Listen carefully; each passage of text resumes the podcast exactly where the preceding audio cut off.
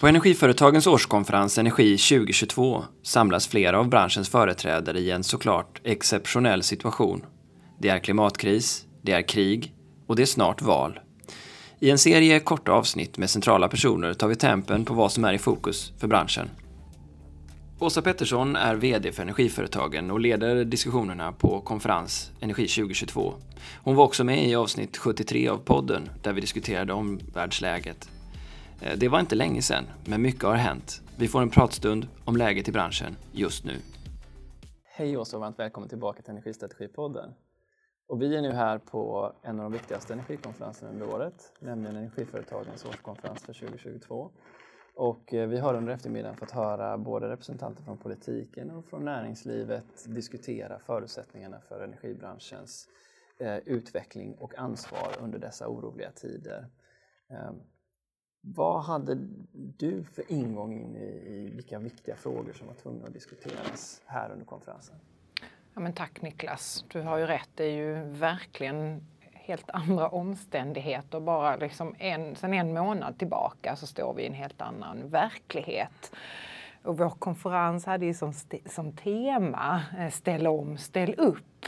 Eh, och det temat satte vi ju naturligtvis långt i förväg. Men eh, alla de frågor som vi haft uppe på agendan idag är ju nästan ännu relevantare och frågorna ännu mer brännande eftersom hela frågan om omställning eh, ur ett europeiskt perspektiv ställs ju verkligen på sin spets. Vi har haft klimatagendan högt, vi vill bort från fossila bränslen men nu vill vi utöver det också bort ifrån fossila ryska bränslen så fort som möjligt som eh, kontinent. Eh, så att i ljuset av det då så blir ju allt vi kan göra i Sverige ännu snabbare, ännu viktigare.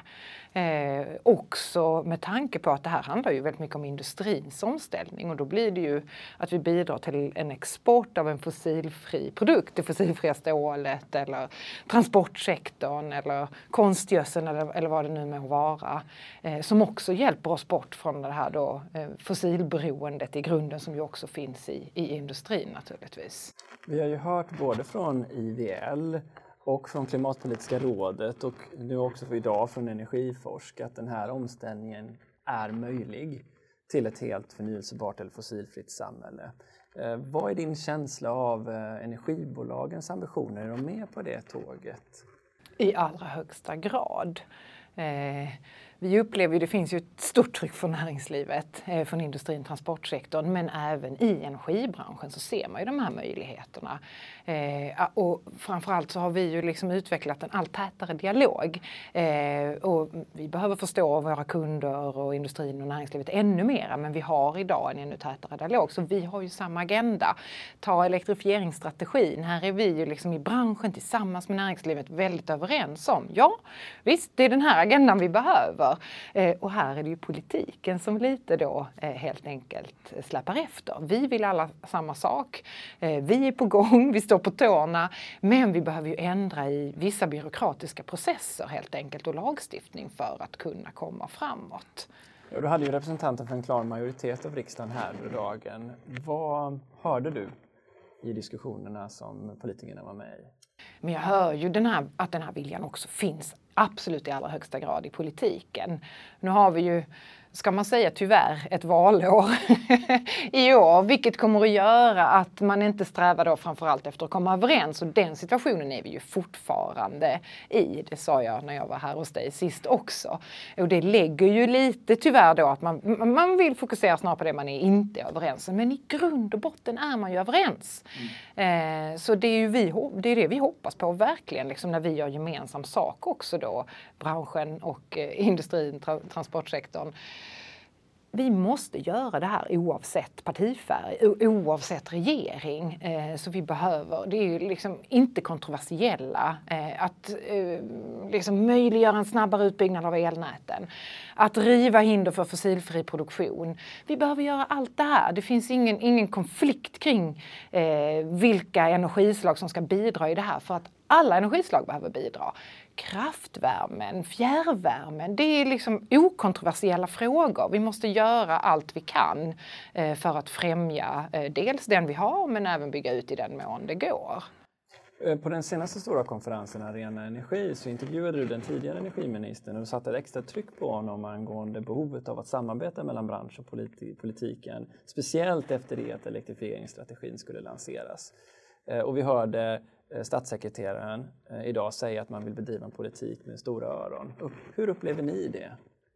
Jag upplever att eh, eh, det finns ett, eh, en stor förståelse från politiken att de här sakerna behöver hända och att vi, vi har en dialog med politiken. Samtidigt så händer det ju inte tillräckligt fort. Precis, det blir min då. Jag blev ju lovad till exempel en strategi för kraft och fjärrvärme i, på Arena Energi i höstas nu finns den i elektrifieringsstrategin, gott så. Men när kan vi börja jobba med den? Och det är ju vårt erbjudande från branschen och från branschorganisationen. Vi är redo, vi vill hjälpa till. Vi, vi bidrar gärna i vart och en av de här 67 åtgärderna som finns i elektrifieringsstrategin. Men startskotten måste gå.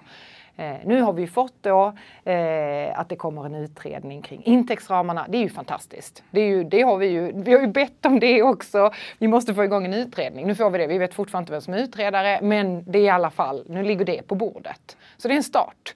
Men det är ju ett pärlband av de här aktiviteterna som vi nu måste se ska hända. Jag tänker du har hört de här energipolitiska företrädarna nu ett antal gånger.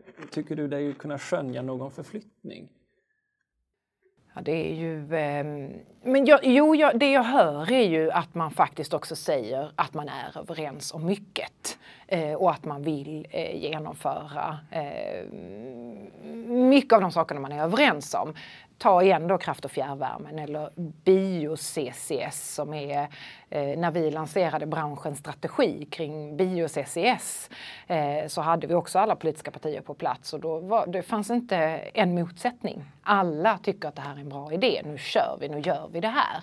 Så att visst, det finns eh, en förståelse för att även, eller det, det, är klart att politiken förstår det, men det finns en, en, en rörelse mot att eh, här behöver vi ställa upp och ta ansvar och leverera det som branschen och näringslivet behöver.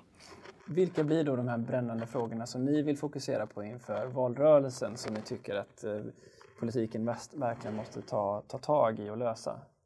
Men det handlar ju väl, eh, alltså röja hinder för fossilfri eh, produktion. Då vet vi att det som ligger närmast i, i pipe att göra det är att bygga ut vindkraften. Eh, nu har vi en diskussion som pågår just nu kring eh, det kommunala vetot. Det är ett väldigt konkret hinder som man skulle kunna röja. Kopplat till det då en ersättning, ett incitament till kommuner där, där vindkraft eh, finns och du eh, skulle kunna snabba på den här utbyggnaden väldigt mycket. Det gäller att inte fastna i de här frågorna. Det gäller komma framåt. Och sen har vi då kraftvärmen eh, som kanske är det som skulle kunna ha mest påverkan inför nästa vinter. Eh, och sen så har vi då eh, allt som har att göra med överföringskapacitet, att vi ser till att höja eh, överföringskapaciteten på kort sikt där det går genom åtgärder som till exempel mothandel och hela diskussionen kring Svenska kraftnäts roll i systemet blir också viktigt. Det var ju också uppe på konferensen idag, roller och ansvar. Vem, vem är det som har det här helhetsansvaret? Den frågan måste vi ju besvara för att komma vidare. Ja, också någonting som Klimatpolitiska rådet vill lyfta upp. Vem är det som koordinerar detta? Eh, ja, men en sista fråga då. Vi, vi hörde Markus Wråke också från Energiforsk säga att vi trodde att vi hade 25 år på oss. Nu kanske vi har åtta av omvärldsfaktorer. Hur tänker du när du har något sådant? Ja, men jag försöker eh, vara hoppfull. Att det, är väl, eh, eh, det finns mycket planer eh, och vi, det är kanske är bra. Det hade inte behövt ta 25 år.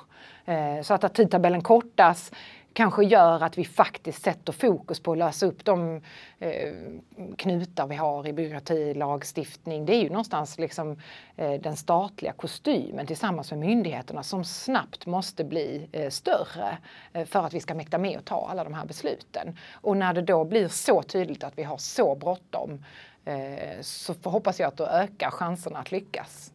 Du, tack så mycket för att du tog dig tid, Åsa. Tack Niklas. Podden produceras av Sigholm, er partner för förändringsprojekt och digitalisering inom energibranschen. Besök oss på våra sociala mediekanaler för att diskutera avsnittet vidare. Länk finns i beskrivningen.